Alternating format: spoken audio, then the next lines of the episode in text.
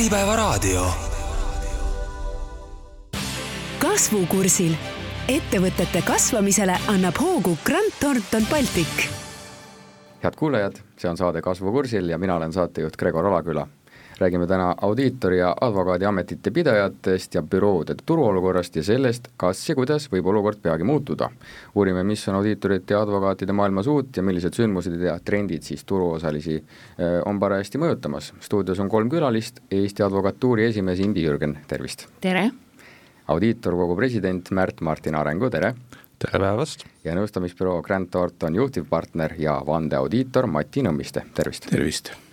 Alustakski tiitlitest, teeks väikesed olulised täpsustused ka kuulajatele, mida aeg-ajalt meedias kuulda on, sest tundub, et selles valdkonnas on need tiitlid mitte lihtsalt kohatäiteks, vaid määravad ära selle kvalifikatsiooni. ehk siis audiitor ja vandeaudiitor, advokaat ja vandeadvokaat. kuidas erinevad, miks nad just ettevõtjale, mis on just ettevõtjale oluline teada? noh, ettevõtja jaoks tähtis on see, et, et allkirja anda saab sellele audiitori aruandele vaid vandeaudiitor. ehk see, kes on siis läbinud koolitused, läbinud praktika ja saanud siis tegevuslitsentsi, mida väljastab Rahandusministeerium. jah, et äh, kui ma Matile siin lisan, et äh, audiitoreid ju tegelikult on äh, palju, et me siin aeg-ajalt teeme nalja, et on, on ka lehekuulutuse kaudu otsitud ööaudiitorid, kes on, kes on tegelikult ju lihtsalt valvur, et et mis eristab vandeaudiitorit ülejäänud audiitoritest, on tõesti see vande andmine, see, et et et äh, ettevõtjad saavad äh, sellise kvalifikatsiooniga inimest usaldada. advokaatide puhul, Imbi? no advokaatide puhul on nüüd natukene keerulisem, siin on hästi tähtis vahet teha sellel, kas tegemist on juristi või advokaadiga. ja advokaat võib olla omakorda siis äh, vandeadvokaadi abi või vandeadvokaat ja advokaadid on ainult need juristid, kes kuuluvad Eesti Advokatuuri, neil peab olema magistrikraad õigusteaduses ja nad peavad olema teinud ära äh, advokaadieksami. Ja kui sa teed ära esimese eksami, siis saab sinust vandeadvokaadi abi ja siis sa pead kolm aastat vähemalt advokaadibüroos töötama. Ja siis on sul võimalus minna teisele eksamile, teha vandeadvokaadi eksam ja kui see on edukalt tehtud, siis sa annadki selle vande ja vandeadvokaat saab siis äh, teha oma büroo ja iseseisvalt tegutseda, äh, abisid juhendada, aga advokaadiks on õige nimetada neid äh, nii abi- kui vandeadvokaat, mõlemad nad on advokaadid, aga mis neid juristist eristab, on see, et meil on siis oma Eesti Advokatuur, kuhu, kuhu siis kõik advokaadid äh, kuuluvad ja ja meil on oma seadus ja meil on oma kutse-eetikanõuded ja meil on äh, seadusest tulenevalt äh, kliendil on nagu meiega äh, teatud kindlus, mis väljendub näiteks selles, et meil on kohustuslik äh, kutsekindlustus, mida teistel siis ütleme lihtsalt niisama tegutsevatel juristidel ei ole, meil on vastutuskindlustus. ja seesama kutse-eetika, distsiplinaarjärelevalve, aukohus, äh, kõik niisugused juhendid, kuidas peab advokaadibürood pidama, kuidas kvaliteetselt kliendile õigusteenust osutada, nii et see on see vahe ja mis üks, üks vahe veel võib olla, mille peale mõnikord ettevõtja peab mõtlema, et äh, see info, mida ta vahetab advokaadiga, on äh, seadusega kaitstud, ehk et äh, seda näiteks advokaadibüroo läbiotsimisel ei, seal on väga kindlad reeglid, millal seda üldse tohib teha, seda infot ei tohi ka välja nõuda, et anna mulle nüüd välja oma kirjavahetuse advokaadiga, see on kõik kaitstud, aga kui kui ettevõtja suhtleb nüüd lihtsalt juristiga, siis sellist niisugust erilist kaitset ei ole, nii et advokaadil ja juristil on küll äh, seadusest tulenevalt päris oluline vahe. Ehk kvalifikatsiooni järgi jurist, advokaat, vandeadvokaat ja audiitorite puhul siis äh, kõige madalamaks tasemeks võiks olla lihtsalt finantsekspert no ütleme niimoodi, et eks äh, audiitorbüroodes enamasti on audiitori assistent ja siis on, ongi vandeaudiitorid. et võib-olla, mida ma lisaks, äh, mis ma kuulen siin äh, advokatuuri siseelu kohta, et eks audiitoritel on ju väga sarnane, samamoodi on kaitstud see kliendi ja audiitori suhe, audiitori konfidentsiaalsus on seadusega reguleeritud, see, et kuidas kutsesse siseneda, on reguleeritud, et seal on väga palju sarnast, mida ma võib-olla tooks välja, mis aeg-ajalt siiamaani äh, tekitab äh, selliseid küsimusi natuke, on see, et et kes siis seda teenust osutab. sest meil on tegelikult äh, audiitorkogul on kahesuguseid liikmeid, on füüsilised isikud, on juriidilised isikud, ehk et kõik Eesti vandeaudiitorid peavad olema meie liikmed ja kõik Eesti audiitorbürood on meie liikmed. ja see, kes siis lõpuks kliendile seda teenust osutab, on tegelikult see audiitorettevõtja. aga selleks, et seda teenust osutada, seal audiitorettevõtjas peab siis olema jällegi see vandeaudiitor. et ongi niisugune nagu kahene suhe, et noh, loomulikult äh, ettevõtjad, Mati oskab tõenäoliselt rohkem öelda, et ettevõtjad võib-olla tunnevad neid äh, vandeaudiitoreid rohkem, kuid lõpuks äh, nagu vastutuse oma töö eest võtab siis ikkagi audiitorettevõtjana noh, eks see sõltub nüüd ilmselt ka sellest, kui suur või, või tuntud see büroo on, et, et mõningatel juhtudel, kui on nagu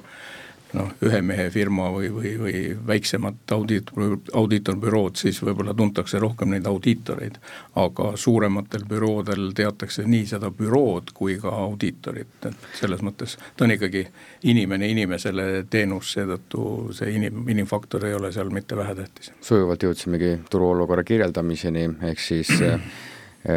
audiitorite puhul on nad siis tihti koondunud nendesse suurtesse büroodesse, rahvusvaheliselt kasutusel ka mõiste Big Four, siinkohal nimetame siis ehm, Ernst and Young, KPMG, PwC ja Deloitte, ja nagu siis ka ühes varasemas kasvukursil saates räägitud, siis ka need nii-öelda mees- ja koer tüüpi ettevõtted, ehk siis üksiktegijad. ja täpselt aasta taguses suvises saates jäi kõlama see, et audiitoreid pole lihtsalt piisavalt, sest konkurents on suur nende juriidilise haridusega inimeste peale, konkureeritakse advokaadibüroodega, ettevõtetega ning töökoormus on suur ja järjest suureneb. täna, poolteist aastat hiljem, milline on audiitorteenuste turg? jaa, audiitorteenuste turust on siin see sügis olnud palju juttu, on olnud palju kohtumisi, esinemisi, konverentse, ka selliseid äh, sarnaseid küsimusi, et, et kuulge, et meil siin on juba kevadel otsisime audiitorit, suvel otsisime audiitorit, audiitorit on raske leida, et mil-, milles on olukord, et äh, ütleme, noh, nüüd on kahju, et meil formaadiks on raadio ja mitte tele, et muidu näitaks sellist ilusat graafikut, mida ma üritan lihtsalt ka kirjeldada, ehk et põhimõtteliselt audiitorbürood olid aast-,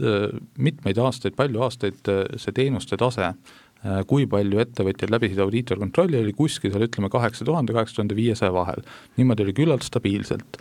et ta tegi nüüd siin koroonaga küll teatud jõnksu, aga, aga see, see jõnks oli selles mõttes kunstlik, et, et võib-olla kuulajad mäletavad, et siis äh, anti ettevõtetele aruannete esitamiseks pikendust, et üks aasta läks justkui nagu aruannete esitamise number alla, teine aasta tegi niisuguse sa-, samavõrdse jõnksu ülesse, aga põhimõtteliselt ta keskmisena oli ikkagi seal suurusjärgus kaheksa tuhat, kaheksa tuhat viissada mis nüüd viimane aasta juhtus, oli tõenäoliselt mitme teguri koosmõju, ehk eh, mille tulemusena see hüppas suurusjärgus pluss tuhat.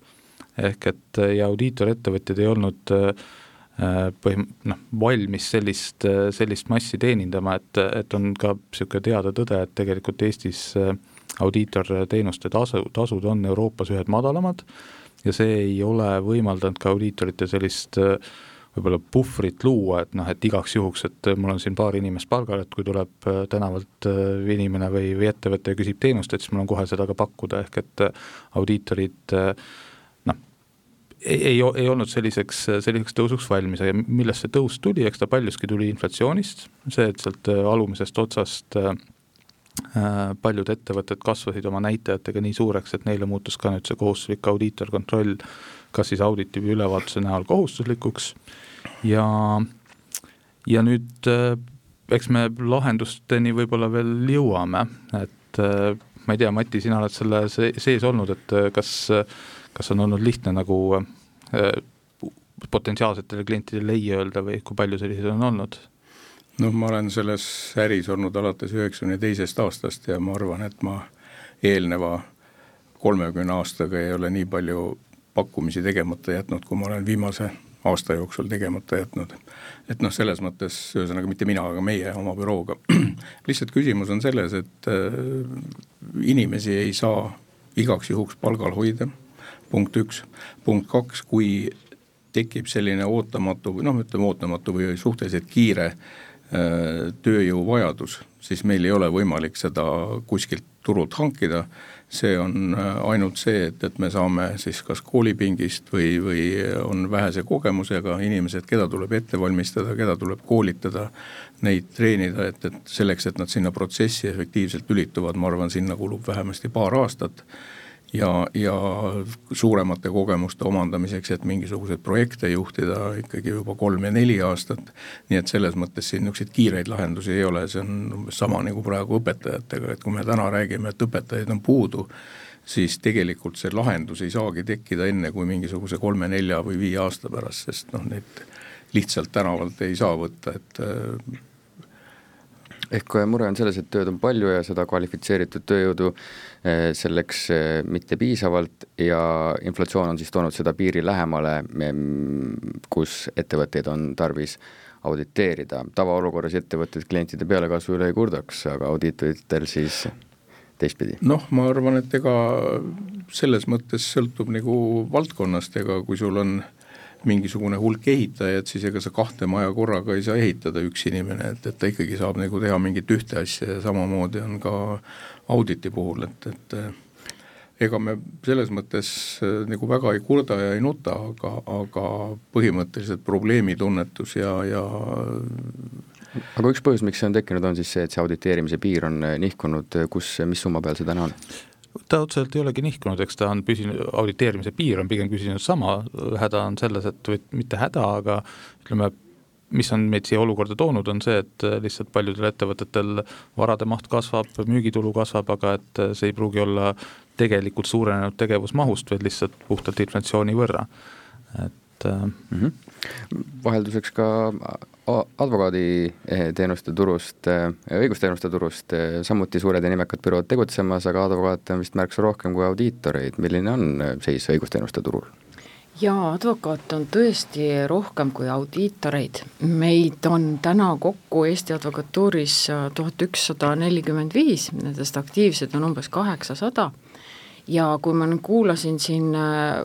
audiitorite äh, juttu, siis advokaat, advokaaditeenuste turul ma noh, niisugusest tendentsist rääkida ei saa,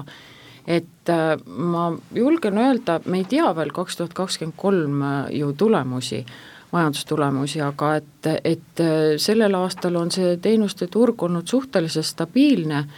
kahe tuhande kahekümne teisel aastal ta veidi tõusis võrreldes kahekümne esimese aastaga, et advokaadibüroode kogu, kogu käive oli Maksu- ja Tolliameti andmetel siin kahe tuhande kahekümne esimesel aastal sada kakskümmend üks miljonit, kahekümne teisel sada kakskümmend kaheksa miljonit, aga ega, ega sellel aastal ei ole näha, et ta kuidagi kahaneks, aga noh, suurt tõusu ka ei, ei oska arvata, et ta on niisugune suhteliselt stabiilne. Ja noh, niisugust muret, et nüüd, et meil ei ole üldse advokaate või, või noh, et me ei jõua teha ära seda tööd, päris nii ei ole aga muidugi eks bürood äh, otsivad kogu aeg uusi töötajaid, küll jälle seesama Maksu- ja Tolliameti info näitab ka seda, et natukene on see töötajate nagu juurde värbamine tegelikult vähenenud, ehk siis inimesi enam nii väga, väga tuliselt äh, taga ei otsita, aga,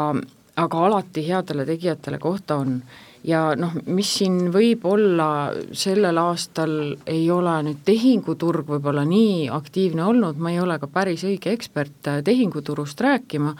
aga mulle tundub, et kui nagu mingis valdkonnas on tööd vähem, siis see asendub teiste valdkondade töödega ja kindlasti on, on noh, üks asi, Eh, regulatsioonid, uued regulatsioonid, siis on kohe vaja ettevõtjatel nõu, eks ole, et kas siis tulevad need ESG-d või, või või mis tahes ka tehnoloogiaõiguse areng või või kus, kus aga uued äh, normid tulevad, seal ettevõtjal on ju, ja ka füüsilisel isikul on siis, siis ju ka nõu vaja. Äh, teine asi, mis võib-olla ka advokaatidele tegelikult annab, osale annab palju tööd, on ka tegelikult näiteks äh, noh, nüüd on võib-olla maksejõuetuse asju rohkem, aga see on ka mul ainult tunnetuslik, mul ei ole seda niisugust arvandmeid ei ole, et seda kinnitada, aga tundub, et kui on vähem tehinguid, siis on nagu rohkem vaidluste tegijatel tööd. ja, ja noh, tegelikult ka ausalt öeldes suured kriminaalasjad, ma arvan, et noh, teatud advokaatidele kindlasti see toob palju tööd, kui on suured menetlused, kus on palju neid kohtualuseid nii et noh, seda tööpuudust ei ole, Eestis muidu advokaadibüroosid on, see arv ei ole ka palju muutunud, meil on mingi kakssada viisteist kuni kakssada kakskümmend bürood ja nendest pooled on ühe inimese bürood. Et eh, meil on umbes sada tegijat, kes eelistavad üksinda tegutseda. ja siis muidugi nendes suurtes, noh päris suurtes on seal juba kuuskümmend, seitsekümmend, kaheksakümmend advokaati, on ju, et need on hästi eba, ebaühtlase suurusega ehk advokaatidel nii käibetase kui büroode arv on selline stabiilne, pole suurelt eh, liikunud, kuidas audiitoritel? jah, huvitav oli kõrvalt siin neid numbreid kuulda, et võib-olla ütle, ütleks ka seda, et lihtsalt võrdluseks, et mis siis see audiitorteenuste turu suurus on, et ta on natuke väiksem kui advokaaditeenustel, et audiitorfirmade kogukäive, mida meie nüüd paneme kokku pool, ütleme perioodi kohta juulist juunini, et meil on küllaltki värsked andmed siis olemas. Äh, viimati äh, oli audiitor, audiitorettevõtjate kogukäive siis äh, seitsekümmend miljonit eurot suurusjärgus ja sellest seitsmekümnest miljonist siis audiitorteenused, mis on enamasti siis nagu raamatupidamisaasta auditeerimine, ülevaatus, see oli nelikümmend miljonit, ehk et seitsekümmend, nelikümmend, see on see suurusjärk. nüüd, kui veel natuke numbritest, siis audiitorettevõtjaid jällegi niisugune ilus statistika, et viimased kümme-viisteist aastat audiitor, vandeaudiitoreid on tegelikult olnud äh, küllalt stabiilselt äh, ja sobivalt palju, seal umbes kolmesaja viiekümne vandeaudiitori ringis samal ajal, mis on juhtunud, on see, et äh, audiitorettevõtjad ehk et äh, need, kes, nagu ma ennist ka rääkisin, need, kes seda teenust osutavad ja selle teenuse eest lõpuks ka vastutuse võtavad, et neid on jäänud oluliselt vähemaks, et kui siin kümme-viisteist aastat tagasi oli neid isegi üle kahesaja, seal ütleme suurusjärgus kakssada viisteist, siis viimane statistika on umbes täpselt sada viisteist. et kui nüüd mõeldagi, et, et vandeaudiitoreid on sama palju, aga firmasid on sisuliselt nagu viiekümne protsendi võrra vähemaks jäänud, et see on ka see koht, kus äh, kus, kus on näha, et, et, et tõepoolest selline defitsiitne olukord, kus me hetkel oleme sattunud, võib olla tekkinud. samas eks siin neid lahendusi on, on ka mitmeid. miks, miks neid vähemaks on jäänud ähm,? eks neid põhjuseid ole erinevaid, ütleme nii, et, et see langeb osaliselt kokku sellega, et et audiitorteenuste turg Eestis on märksa enam reguleeritud äh, Äh, kui ta varem oli, et äh, ütleme, teatud viitajaga, aga ikkagi peale, peale Euroopa Liitu astumist, sealsete reeglite ja regulatsiooni ülevõtmine, selle regulatsiooniga kaasnev äh, selline tihedam sisemine kontroll, kvaliteedinõuded, võib-olla sinna juurde ka teatud niisugune veagrupi ikkagi, kes võib-olla üheksakümnendate alguses võib-olla ka niisugune kõrgemas vanuses võib-olla tegid veel endale audiitori kutse, noh nemad on, on ka nagu kutsest välja läinud, ehk et neid põhjuseid on tegelikult äh, mitmeid, ma ei tea, Mati võib-olla noh, siin jah, ma just tahtsingi seda hakata ka nagu rääkima, et, et tegelikult on jäänud sellest audiitorite või meie poolt pakutavate teenuste turust selline mulje, et, et nagu inflatsioon on see põhiline süüdlane, et tegelikult ei, et see on kompleks väga-väga mitmetest põhjustest. üks kindlasti on see, millele, millele sa nüüd lõpus peatusid, et kui me võtame mingid aastad üheksakümmend kaks kuni üheksakümmend seitse, üheksakümmend kaheksa, siis eelmise sajandi lõpukümnendil, siis seal oli aastas äh, atesteeritud juurde tulevate audiitorite arv kuskil suurusjärgus seal viiekümne ja saja ja, ja kohati ka üle saja aastas. siis praegu ma arvan, et, et see jääb kuskile mingi kümne pluss-miinus siin viis piiridesse, ehk teiste sõnadega, kui me vaatame, et, et meie Eesti rahvastikupüramiid on kuidagi upakil, siis, siis tegelikult seal on see pilt veel hullem, et, et noh, kui me võtame ajalise faktori siia juurde, siis noh, paratamatult inimesed jäävad vanemaks ja, ja mingil hetkel nad ei ole enam huvitatud sellise mahuga töö tegemisest ja kui sealt ära läheb Äh, populatsioonist, kes on kuskil sada inimest, kas või pooled, ja peale tuleb äh, sellest, kes on äh, kuskil kümme-viisteist tükki aastas, siis noh, selge on see, et, et see probleem ei lahene. teine pool on see, et, et kindlasti kogu see regulatsioonide maht on, on läinud äärmiselt mahukaks Äh, standardite nõuded on tõusnud ja, ja kui me ka vaatame rahvusvahelisi standardeid, siis ega need on äh, noh, selle Eesti väikse ettevõtte jaoks on ikka küllaltki mahukad, mida seal tööd tuleb teha ja, ja paljudel juhtudel tuleb mingisuguseid valdkondi või asju läbi käia lihtsalt sellepärast, et seda standard näeb ette, aga, aga noh, antud kontekstis ei ole, ei oma see mingisugust väga suurt sisulist tähtsust. See toob omakorda kaasa selle, et, et äh, üksiktegijatel on kaunis raske selles keerulises maastikus orienteeruda ja pakkuda sellist teenust, mis vastab äh, rahvusvahelistele standarditele. et ma arvan, et üks, üks küsimus on kindlasti see, et, et neid audiitoreid ütleme, audiitorbüroosid on küll vähemaks jäänud, aga nende audiitorite arv ja, ja see, keda nad äh, nagu nendesse protsessidesse kaasavad, tegelikult suureneb, noh kui me võtame kas või oma büroo äh,, meil äh, vandeaudiitoreid äh, on, on äh, seitse-kaheksa inimest, kellel on litsents, aga tegelikult inimesed, kes meil selle auditiga tegelevad, on puhtalt auditi personal on kuskil umbes viiskümmend pluss veel kogu see juurde tulev alates tehnilisest personalist, IT-st, kogu, kogu see inimeste hulk ja noh, muidugi ka teised teenused, nii et tegelikult meie büroo inimeste arv on sada kakskümmend viis hetkel.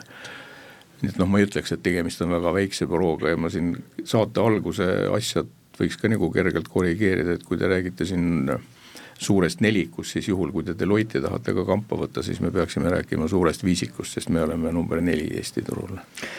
Hästi, mitmest põhjusest, mis audiitorteenuste turgu mõjutavad, on juttu olnud, selles saate poolest kahte teemat veel tahaks puudutada, selle suure neliku või viisiku juurde korraks tulekski, võib-olla rahvusvahelises kontekstis väärib tähelepanu see, et, et suured on ka saanud trahve kas siis kehvade või vigade eest auditites, üks neist siis sai kakskümmend kuus miljonit dollarit Suurbritannias trahvi, mistõttu siis ilmselt ka see kontroll audiitorite tegevusele karmistub ja audiit, audiitorid töötavad veelgi suurema surve all, vaatate, kuidas te vaatate sellele trendile, on see mingi mõjur, mis advoka-, nii-öelda audiitorbüroode mainet ja käekäiku mõjutab? ma ei, ma ei ütleks, et tegemist on trendiga, selles mõttes, et selline nii-öelda kutse üle tehtav järelevalve, igasugune järelevalve toob alati kaasa ka selle, et, et noh, mingeid rikkumisi võidakse leida. et ega audiitorite tööl ei olegi nii-öelda absoluutse kvaliteedi nõuet ja see, sellist asja ei olegi võimalik ka audiitoritel teha, ehk et audit ja ülevaatus ei tähenda kõi-, kõigi numbrite lauskontrolli, noh see tähendaks ju, et, et iga raamatupidaja ettevõtja selja taga peaks kolmsada kuuskümmend viis päeva aastas olema audiitor, et noh, et et ri-, riigid ei ole arusaadavalt sellist nõuet sisse seadnud, ehk et ka audiitorite töö on sellisena üles ehitatud, et et tehakse riskihinnang, tehakse riskihinnangust äh, tulenevalt äh, äh, valimid, testitakse valimeid, selle pealt tehakse lõppjäreldusi, et alati on ja need tehnikad on läinud niivõrd heaks, et suur osa rikkumisi püü-, püütakse kinni, aga noh, et kui ettevõtja on ikkagi ülimalt motiveeritud audiitori eest infot peitma, siis tegelema pettusega, et siis ega audiitoril on ka väga-väga raske ikkagi seda, seda üles leida. Ja jah no ma arvan seda, et tegelikult see trahvimised on nagu üks asi, kui me siin võtame jälle, kerime aega tagasi kuskile kahe tuhandete algusesse, siis on ka juhtunud seda, et üks äh, suur rahvusvaheline firma on üldse turult ära kadunud tänu tänu nagu probleemidele, mida seal töös oli, aga, aga kõige kindlam viis vigu vältida on mitte midagi teha. nii nagu sa midagi teed, on sul alati risk selles, et sa eksid. nii klientidel, kes teevad oma aastaaruannet ja esitavad neid finantsnumbreid, on võimalus eksida, täpselt samamoodi on ka audiitoritel võimalus eksida. kogu asja võlu seisneb selles, et, et kuivõrd sa oskad nüüd audiitorina ära identifitseerida need valdkonnad, kus sul võib midagi viltu minna. ja kuivõrd sa oma töö ja tegevuse pöörad äh, sellele valdkonnale. selles mõttes äh, ma ei mäleta küll, kes seda nagu öelnud on, aga kõige parem äh, Äh, tegelikkuse praktika on see, kui need asjad juhtuvad, ehk me oleme minevikku vaadates alati, võime sajaprotsendilise täpsusega asju hinnata. see kõik, mis puudutab tuleviku poolt, see nii lihtne ei ole. ja teiste sõnadega, kui, kui mingisugune asi on läinud viltu, siis on alati väga hea nagu seal äh, oletada ja, ja välja tuua sada põhjust, mida seal on valesti tehtud või mida seal veel oleks võinud teha, et seda viga vältida, nii et selles mõttes alati on nendes, nendes küsimustes nagu see faktor juures. teistpidi, kui me vaatame kõiki neid rahvusvahelise auditeerimise standardeid ja, ja eetikakoodeksid, siis ma ei tea üheski standardis sellist äh, lõiku, mis ütleks, et vot siiamaani nüüd tuleks teha ja no rohkem ei ole kindlasti, ärge jumala pärast tehke. kõikides, kõikides standardites jääb äh, sellise professionaalse skeptitsismi ja, ja professionaalse lähenemise Äh, osa juurde ja alati sa võiksid teha seda, teist, kolmandat ja vaadata veel siit ja, ja igaks juhuks veel sellega üle kontrollida ja küsida veel selle käest ka ning vaadata, et võib-olla veel kuskilt, aga, aga noh, see, kuidas sa oled nagu antud kontekstis või see, kuidas sa vaatad sellele asjale nagu mingi aasta või kahe pärast, kui äh, tõe kriteerium on läbi selle aja juba oma töö teinud, siis noh, need asjad on erinevad nii et selles mõttes see vigade tekkimine, see oli, on ja jääb. Äh, jah, ja ainult, kes midagi ei tee, ei eksi ma võib-olla omalt poolt lisaks seda, et, et, et tõepoolest see ei ole midagi nii dramaatilist, neid vigu on ette tulnud ja tuleb ka tulevikus, et et pigem see on nagu niisugune regulaatori üks hoob äh, seada latti. et äh, regulaator mingi hetk otsustab, et et millisele tasemele ta tahab nagu seda audiitortegevuse regulatsiooni mahtu timmida, mis siis omakorda peegeldub ju jällegi ettevõtjate halduskoormuses, et et noh, latt ei saa olla liiga madal, sest siis äh, investorid kannatavad, ta ei saa ka minna liiga kõrgeks, sest et siis äh, lihtsalt ettevõtjad ägavad selle koormuse all, et noh, et et sellised trahvid on ka te tegelikult üks selline lati seadmisviis regulaatorile Märt Martin, teiega aasta tagasi rääkisime saates sellest, et krüptoettevõtete laviin tekitas samuti audiitorite puuduse ja nii-öelda turutõrke, kuidas täna olukord on? krüptoettevõtjatega tegelikult tegemist ei olnud turutõrkega, tegemist oli äh, regulaatori väga kiire tegutsemisega, kus äh, noh, sisuliselt äh, umbes kahe-kolme kuuga nõuti eh, turult sellise kompetentsi teket, mida noh, ei ole kahe-kolme kuuga võimalik eh, tekitada. ütleme, tuleb ka riigist aru saada, eh, selleks et meie kõigi intressid püsiksid piisavalt madalad ja riigi riskireiting püsiks normaalsel tasemel, oligi vaja võib-olla kunagine veidi liiga leebe poliitika krüptoettevõtjate suhtes veidi karmimaks keerata ja üheks selliseks hoovaks oligi siis neile sellise kontrolli peale panemine, lihtsalt äh, sellega tegutseti väga-väga kiirkorras, aga ma ütleks, et audiitorettevõtjad said lõpuks äh, väga hästi hakkama, et äh, et siin see võtme, võtmelahendus oligi ekspertide kaasamine. et ega audiitorilt ei nõutagi igas spetsiifilises majandusvaldkonnas selle selle lõpliku põhjaliku ekspertiisi majasisest omamist et äh, meil oli tähtis lihtsalt Eestist leida sellised, äh, sellised osapooled, keda audiitorettevõtjad saaks oma töövõttudes ekspertidena kasutada, need leiti ja see, et, äh, et selle esimese sõela läbis seal võib-olla umbes sadakond krüptoettevõtjat, see näitab, et, et noh, audiitorid ikka väga kiiresti suutsid reageerida, said, said hakkama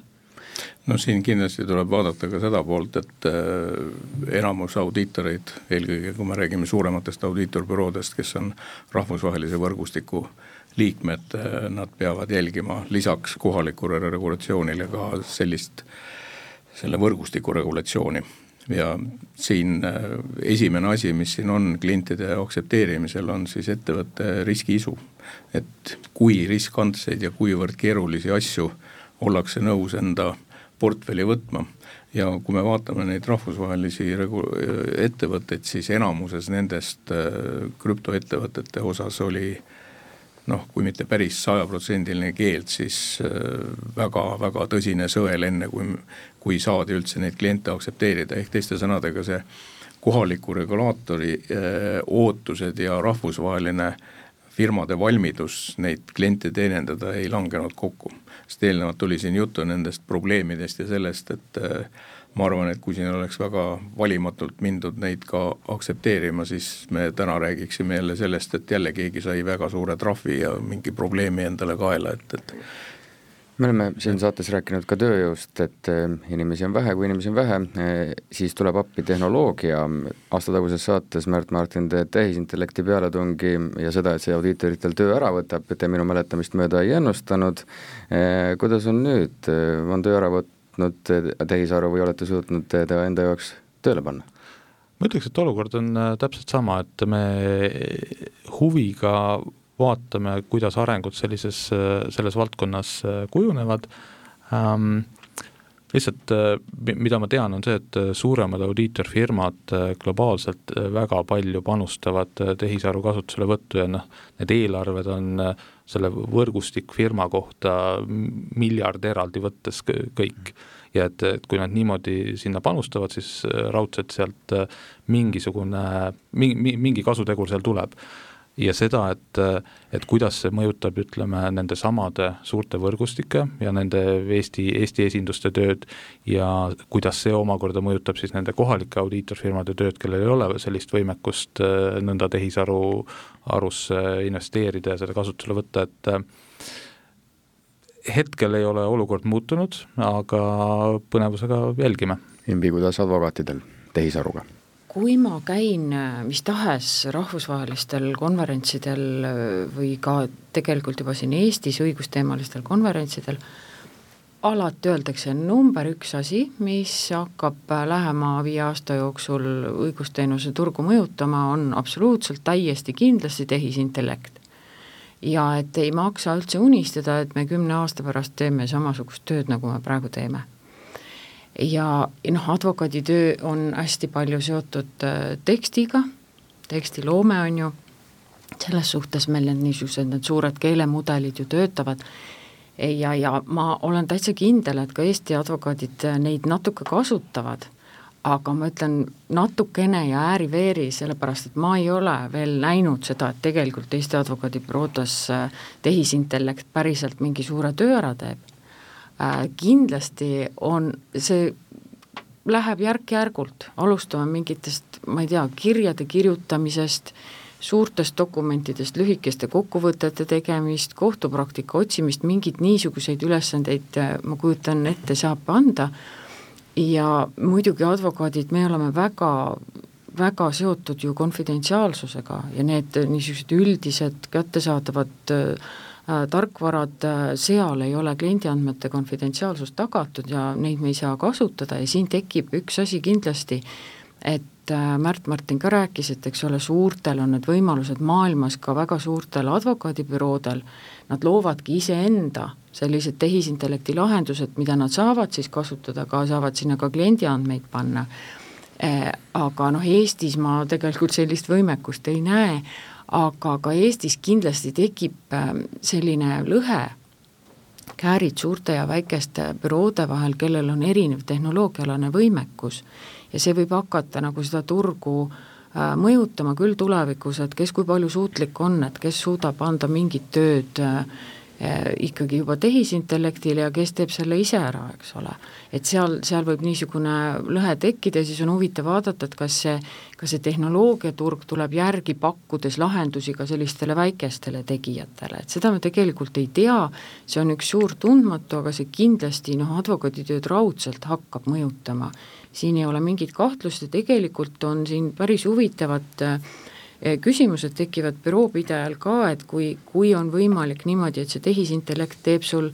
teeb sul, eks ole, selle päris noore inimese töö ära, et otsi mul kohtupraktikat ja tee mul siit mingi kokkuvõte ja tee mul regulatsiooni ülevaade ja et sellist asja nagu ei ole vaja inimest selle jaoks, et et kust sa siis seda järelkasvu kasvatad, kuidas Täpselt, see käib, see on päris sinna, keeruline. loomulikult selle teemani jõudsimegi, et kuni tehnoloogia veel täielikult inimest ei asenda, siis tuleb panustada järelkasvule, kuidas te näete, tuleb juriidilise haridusega inimesi piisavalt peale või mitte? noh, ma võib-olla tulen siin selle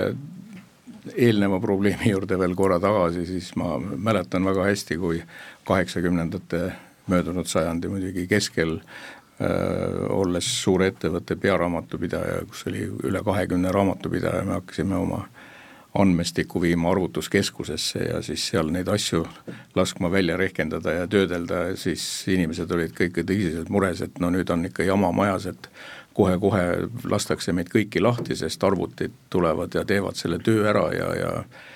ei ole ma veel tänapäeval juhtunud selle asja juurde, et meil oleks raamatupidajaid ülearu või, või mingisugused teise töö tegijad kangesti ülearu, et, et tegelikult küsimus ei ole mitte selles, et nad teevad selle töö ära, aga nad muudavad selle töö iseloomu. ja nad aitavad meil teha ja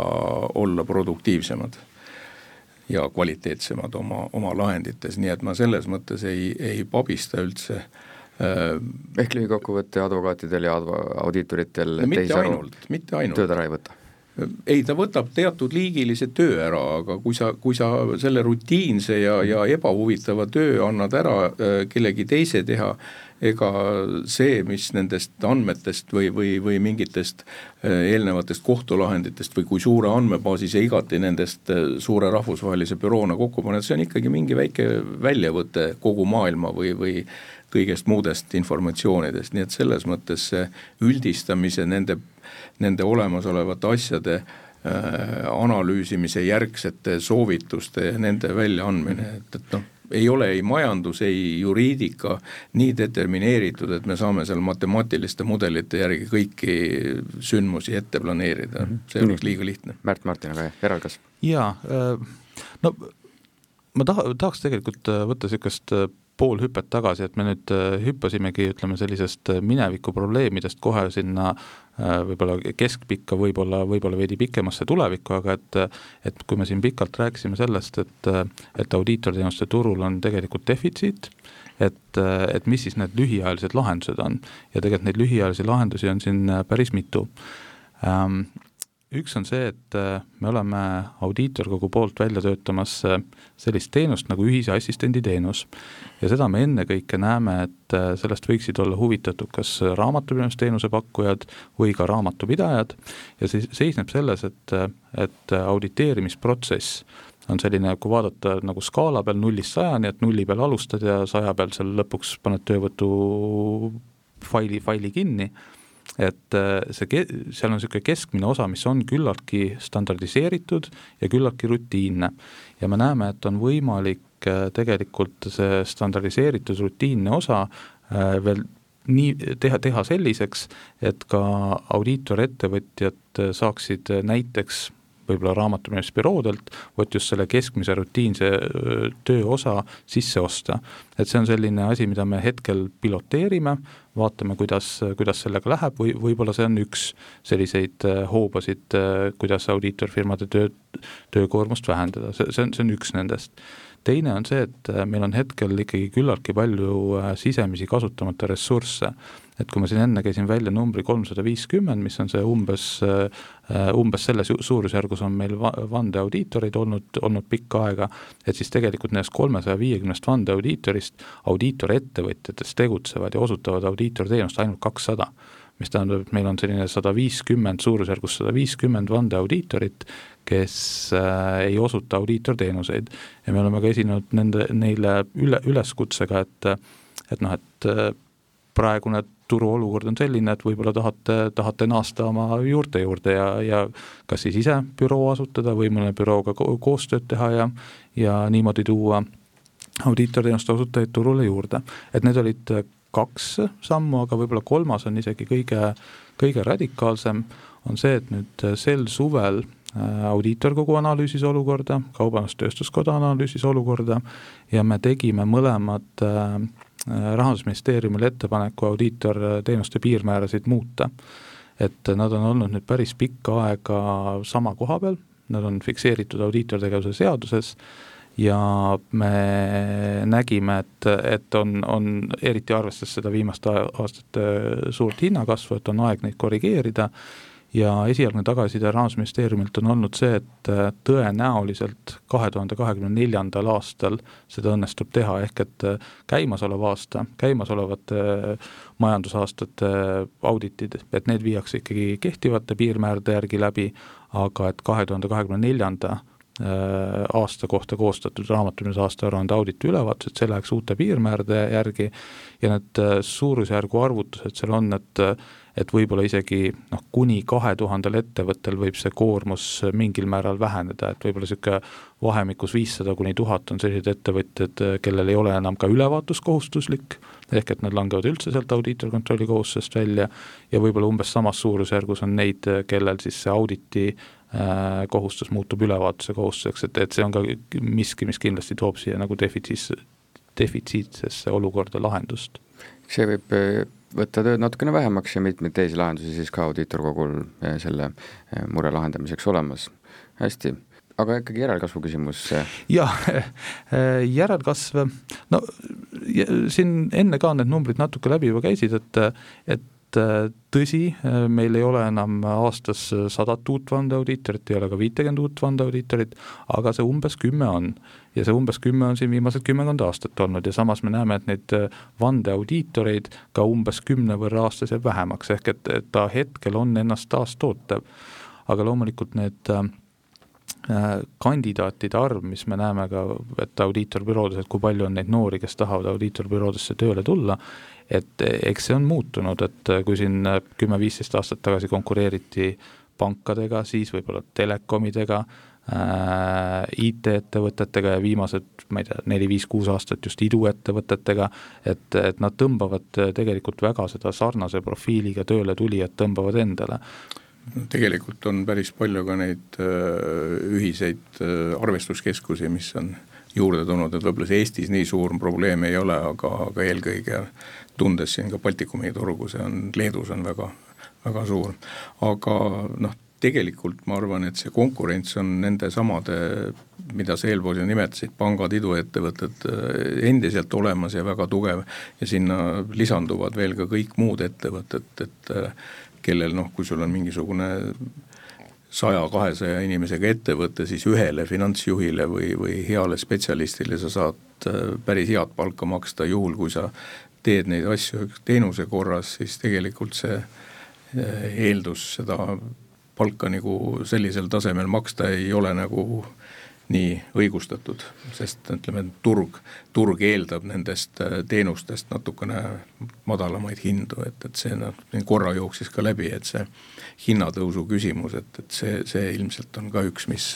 mis nagu motiveeriks inimesi rohkem sellele tööle jääma, sest noh, tegelikult kui me võtame seda audiitori tööd, ega ta väga kerge leib ei ole, ta on esiteks äh, suhteliselt suure sesoonsusega,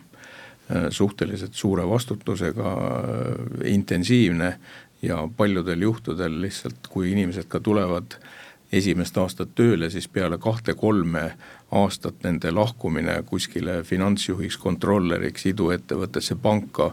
finantseerimisasutustesse, see on üldiselt väga, väga oluline ja suur probleemide hulk. Tasudeni kohe jõuamegi, Imbi ennist mainisite, et heale tegijale leiab alati kohta, aga advokaatide järelkasv? jaa, advokaatide järelkasv sellel aastal on minule teinud küll hästi palju rõõmu, et me saime juurde sellel aastal kaheksakümmend kolm uut vandeadvokaadi abi, see on tõesti suur number e, ja päris äh, viimaste aastatega võrreldes ongi nagu sellel aastal selline tõesti nagu suurem samm, aga see kasv meil on kogu aeg selline väike liikmeskonna kasv. E, aga samas on ka lahkujaid ja täpselt seesama jutt, mida, mida äh, teised siin stuudios rääkisid, et pangad ja, ja iduettevõtted võtavad täpselt samamoodi ka, ka ju neid juriste, mina ise just näen, ma ei tea nii palju, kui palju sinna just otse ülikooli pingist minnakse, aga me näeme advokatuuris seda, et inimesed, kes on juba advokaadibüroos töötanud, omandanud juba mingid kogemused, kolm-neli-viis aastat, siis äh, päris palju minnakse äh, välja teisele tööle just ettevõtte juristiks ja on need pangad, on need, just finantssektor võtab väga palju, sest seal on äh, hästi suur regulatsioonikoormus, seal on väga-väga palju neid noh, norme, millele peab siis vastama, millega noh, hästi õiguslikult reguleeritud ja seal on neid juriste palju vaja, et seda, seda me näeme ja sellisel juhul siis need inimesed sageli peatavad oma liikmesuse advokatuuris ja lähevad siis tööle. muidugi natukene vanemas põlvkonnas on ka täitsa tugev tendents on, et advokaadid lähevad tööle kohtunikuna. Eh, kohtunikke on praegu väga palju uusi juurde vaja ja advokatuur on see üks koht, kust neid leitakse. aga muidugi järelkasvuga ega seda muidu ei tule, sellega peab tegema hästi palju tööd. et üldse noori meelitada sellesse erialasse et eh, ma ütlen küll, et praegu see aasta on olnud hea, aga tegelikult võib-olla see ongi hea töö tulemus ka, et Eesti advokaadibürood ja nüüd ka Eesti Advokatuur organisatsioonina teevad tudengitega hästi palju tööd õigusüliõpilaste organisatsioonidega, et tutvustada seda kutset, tutvustada, kui põnev see on ja, ja mis on selle kutse olemus ja mida kõike saab seal teha, see on täitsa imetlusväärne. meil on õigusüliõpilaste karjäärimess, aga meil on noh, praktiliselt iga nädal leiab mingi advokaadibüroo ürituse kuskil üliõpilastega, et, et neid väga ja noh, büroodel on ka praktikat pakutakse palju ja, ja suurematel büroodel on suurepärased praktikaprogrammid välja töötatud, nii et see noortega tööd peab tegema, et see ei ole nii enam, et noh, et see on nüüd advokaaditöö on see unistuse töö ja kõik kindlasti sinna tulevad. et, et selleks me peame hästi palju tegutsema ja tegutseme ka noh, selles mõttes see on suhteliselt loogiline, et nii audiitorbürood kui ka advokaadiettevõtted on need praktikakohad ja, ja selles mõttes inimestele sellise kasvu saamise kohad, et, et noh, kui sa võtad mõne ettevõtte, kus sul on kaks fina-, finantsalal töötajat või siis paar juristi, siis noh, ega sealt nagu väga, väga tugevat baasi nagu tulevikuks ei saa, võrreldes sellega, kui sa oled mõnes advokaadibüroos, kus on kümneid ja kümneid inimesi, kes tegelevad väga laialt äh, erinevate probleemidega, see pagas või seljakott, millega tullakse siis kas advokaadibüroost või audiitorbüroost ettevõtlusesse, on ikkagi väga mahukas ja, ja kogemuste pagas on ka lühiajaga väga suur saadud, et noh, ka paljud, paljud inimesed tulevad ka tööle meie tüüpilistesse ettevõttesse eesmärgiga saada väga tugev platvorm tulevikuks see on niimoodi, see ilmselt jääb nii, aga, aga ega seal ei ole ka midagi väga nutta taga, selles mõttes äh, meie, meie fookus on samamoodi äh, nii ülikoolid äh,, meil on väga, väga tihedad koostööprogrammid, siis oleme TalTechis sisse seadnud ühe Grant Thorntoni nimelise stipendiumi sellest aastast ka Tartu Ülikooli majandusarvestuse inimestele, kahele üliõpilasele maksame Äh, stipendiumi, et, et tegelikult ühtepidi neid inimesi siduda juba ettevõttega, teistpidi luua neile võimalused saada endale hea haridus, sest noh, tahame me või ei taha, aga, aga see aeg, kui sa õpid, ilmselt sissetulekuid ei ole väga palju ja igasugune täiendav, täiendav panus sellele on väga oluline. meil on lühidalt aega veel viimaseks küsimuseks, et rääkida sellest, et advokaadi ega audiitorteenus ei ole odav teenus ja ettevõtjad kasutavad tihti kõiki neid võimalusi, et nõu küsida igal vabal hetkel koridoris kokku põrgates ja Mati, mainisite, et üks lahendus võiks olla see, et hinnad võiks tõusta, mida te prognoosite, kuidas võivad audiitor- ja advokaaditeenuse hinnad lähiajal muutuda? Noh, ega selles mõttes, kui me tahame omada häid spetsialiste, siis me peame headele spetsialistidele maksma väärilist palka. ja kui nende, kui seda väärilist palka me ei suuda maksta, siis ei ole meil kedagi, kedagi saata kliendi juurde ja ei abi andma, ei äh, üle vaatama neid aastaaruandeid ja nendele professionaalseid äh, nõuandeid andma, nii et äh, siin selles mõttes ma arvan, et et äh, hindade langemine on küll väga ebatõenäoline. Grand Tartulis tõstate palka? no ma arvan, et äh, kes iganes on teinud mingisuguseid töövestluseid viimase paari-kolme aasta jooksul, siis äh, võib kindlalt väita, et ei ole veel ühtegi inimest tulnud ettevõtte palgaläbirääkimisi pidava isiku juurde jutuga, et pagan, see palk on ikka liiga kõrge, et äkki te võtate järgmiseks perioodiks natuke vähemaks, et mul ei ole nagu midagi sellega pihta hakata. et noh, selles mõttes see, kui sa vaatad, mis toimub väljaspool ja, ja inflatsiooni pool, siis see on paratamatu, et, et äh, kulutused tõusevad ja, ja kui me võtame nii audiitorbürooid, büroosid kui ka advokaadibüroosid, siis noh, tahame me või ei taha, seal selle palga osakaal on peamine kuluartikkel. noh, audiitorbüroodel ma arvan, ta on kuskil kuuekümne protsendi ringis, advokaadibüroodel ilmselt sama või võib-olla natukene väiksem, nii et, et juhul, kui meil see kuluartikkel suureneb, siis no ma ei näe küll ühtegi reservi, mille arvelt seda hinda saaks Himbi. langetamise asemel vähemasti hoidagi. jaa, kui te küsite, et kas õigusteenuse hinnad tõusevad, kindlasti nad vaikselt kindlasti nad vaikselt tõusevad äh, ju üldise hinnatõusuga ühes rütmis, ega siin selles mõttes me kuidagi erandlikuks ei jää, aga aga võib küll olla see, et teatud teenuste puhul siis see hind langeb või, või nagu ma rääkisin tehnoloogia arengust, et tegelikult see hinnatõusuga käib kaasas minu meelest kogu aeg see, et advokaadi töö läheb kogu aeg aina keerulisemaks. ega advokaat ei lahenda tänapäeval lihtsaid küsimusi, lihtsad küsimused saab meil ära kõik lahendada ettevõtja portaalis või asutada oma äriühingut või seda ei tule keegi advokaadi käest küsima, advokaadi käest küsitakse tõeliselt keerulisi, kompleksseid asju ja regulatsioonid lähevad ainult keerukamaks kogu aeg ja ka see töö läheb, läheb nagu aina keerukamaks. et selles mõttes, et jah, ma ei, ma ei näe ka kuidagi, et see, see võiks langeda, aga samas noh, on, et kui, kui, kui tuleksid mingid ähm, tehisintellekti lahendused, mis teevad mingid lihtsamad asjad ära, noh siis seal see, see hind peab langema, eks ole. aga noh, mõelda seda, et mida siis teha, et, et nüüd see õigusteenuse hinnad on nii kõrged, esimene samm, ma julgustaks kõiki ettevõtjaid ja ka füüsilisi isikuid kõigepealt ikkagi küsima ja pöörduma et äh, kõigil on see ettekujutus, et oh, see on nii kallis, ma ei hakka küsimagi, aga see võib olla petlik, et mulle tundub, et igaühe jaoks leiab oma ja otsige ja uurige ja, ja leppige hinnas kokku, et tegelikult äh, advokaate on väga palju ja, ja ja on, on võimalik äh, võib-olla leida ka endale see sobiv hind, et seda ei pea ette kartma. ja teine asi, see, kuidas ma saan hoida oma õigusteenuse kulud madalamad, on see, et eh, mine ja küsi õigusabi ennetavalt, mine õigel ajal. sul on alati lihtsam ja palju vähem kulukas äh,